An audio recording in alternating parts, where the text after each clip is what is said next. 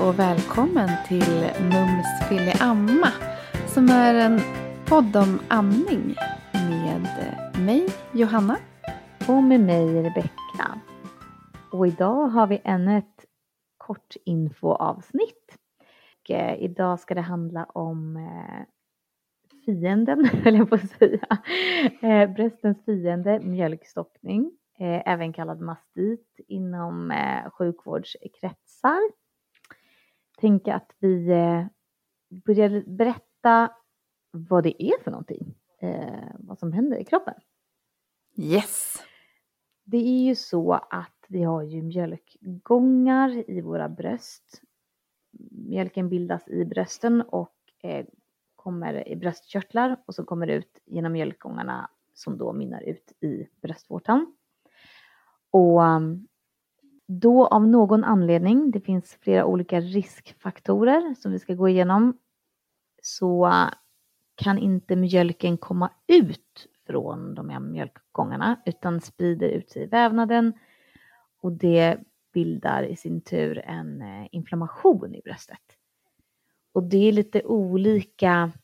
Mjölkstockning är ju verkligen, eh, det är så otroligt, eh, kan man säga, brett. Alltså det, det från att det kan bara vara påbörjan till mjölkstockning, att brösten blir hårda och ömma och, och man upplever liksom att det gör ont tills att man blir riktigt sjuk, får hög feber som man inte kan få bukt med själv hemma. Brösten kan bli jätteröda och man kan till och med ha svårt att få ut någon mjölk för att det har liksom det har stoppat upp och eh, det kanske har påverkat mjölkens säga, rinnbarhet, viskositet, alltså att mjölken den rinner inte längre utan den är trådig eller som kladdig liksom, kommer inte ut. Mm. Precis. Man kan ju också säga att det är ganska ovanligt att få mjölkstockning de första dagarna mm. efter att man har fött barn. Ofta kan man ju blanda ihop lite mjölkstockning och mjölkstas, liksom den här extrem svullnaden som kan bli av brösten i samband med att bröstmjölken omvandlas från råmjölken till den mogna mjölken. Samtidigt så tror jag att den vanligaste tiden att få mjölkstockning på ändå är de första månaderna i bebisens liv. Mm.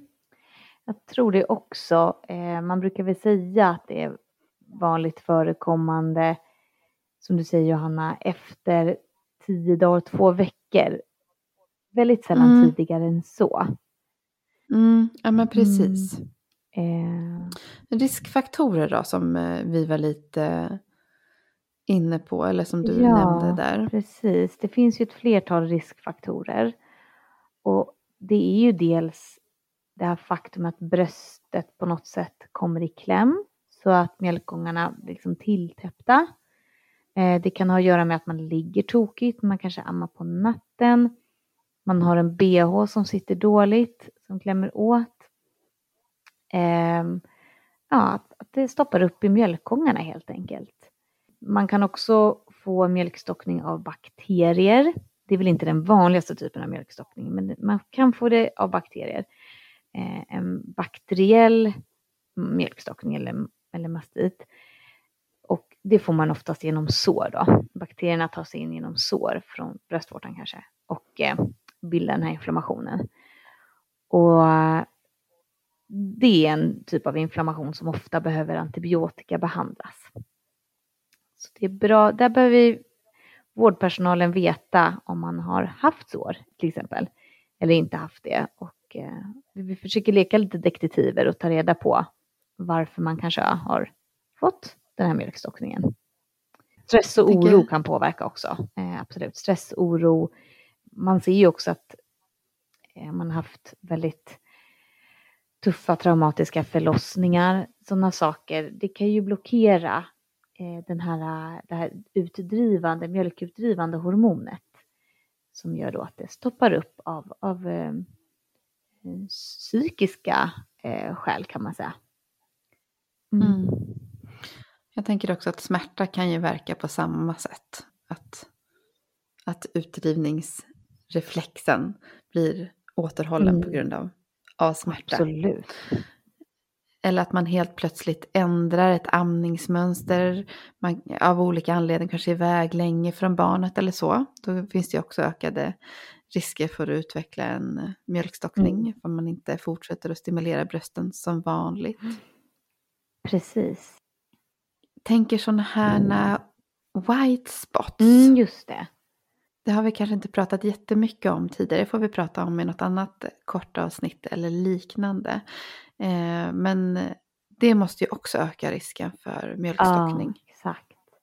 Att det blir som eh, små mjölkklumpar, eller vad ska man mm. säga, som, som, som täpper mm. till mm. själva mm. mjölkgången eller ja, ut, utgången, eller vad man ska säga, i mm. bröstvårtan. Precis. Och jag tänker en amningsnapp som vårt eh, förra kortavsnitt handlade mm. om, som ni kan lyssna på. Amningsnapp kan ju också öka risker för mjölkstockning beroende på hur, hur den används och vad det är för storlek och sådär. Mm, precis.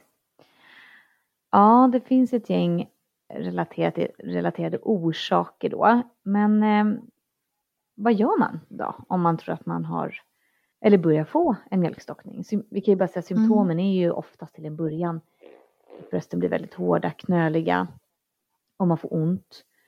Mm. Sen, sen kan det ju med sig där om man har tur. Alltså att man har så något mm. dygn eller. Men blir det värre så Precis. kan man ju få hög feber. Precis, en bit över 38, till och med liksom över 40 ja, grader. Visst. Alltså att man känner sig jättesjuk, så influensaliknande mm. sjuk. Huvudvärk, muskelvärk. Det lät som Iprenmannen. Huvudvärk, eh, och, eh, och de kan bli väldigt röda brösten.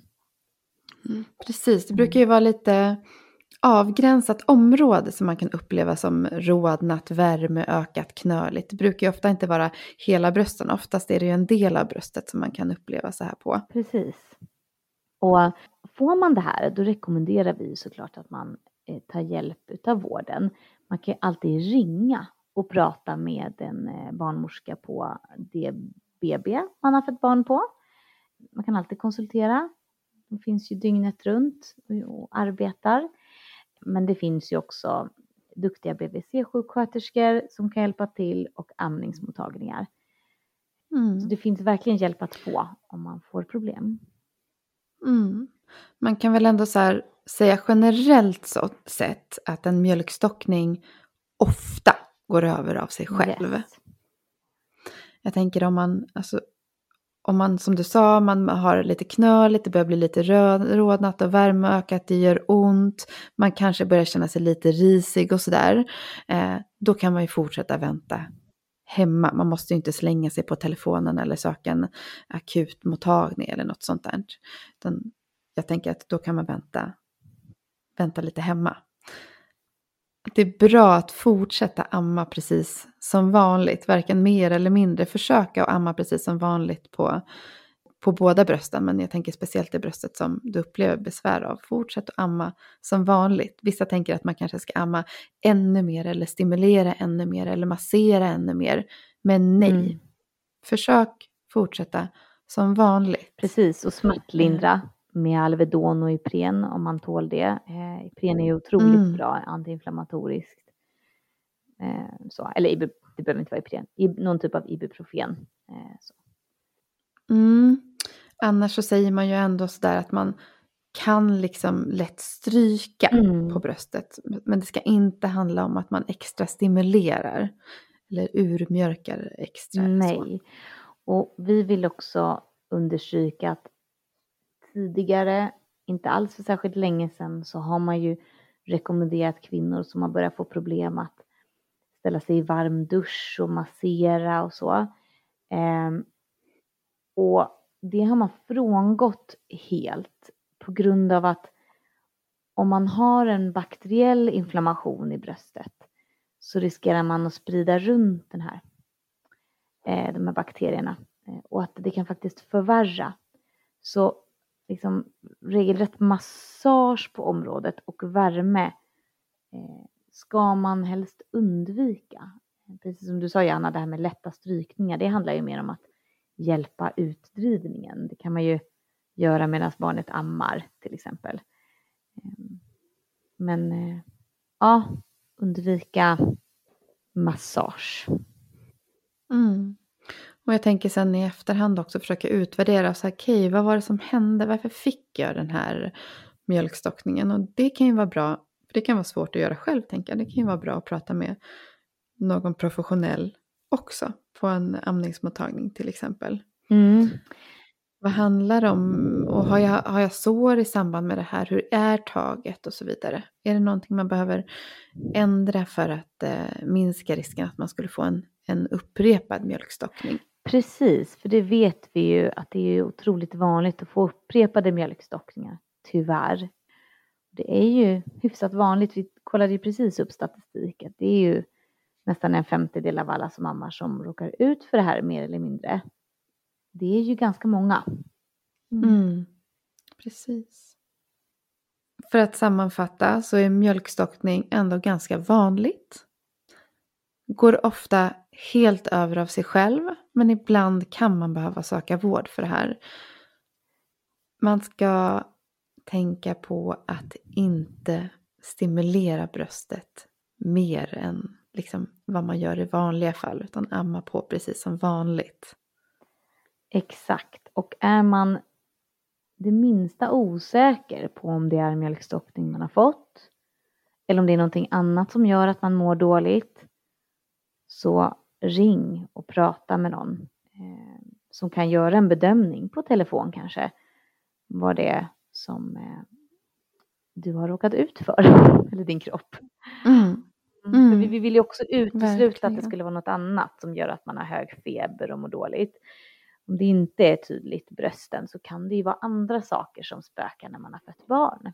Eh, mm. Andra typer av infektioner.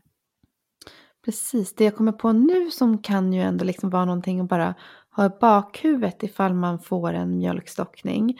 Eh, man kan ju anpassa lite granna hur man lägger, lägger barnet vid bröstet beroende på vad den här liksom knöligheten, svullnaden, ömheten finns någonstans. Vart i bröstet mjölkstockningen mm, finns. Just det. Mm.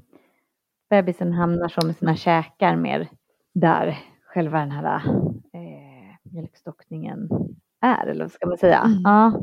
ja, precis. Det är lite överkurs, men mm. ja, det kan ju hjälpa. Det kan ju vara ja. bra att veta känna till. Mm.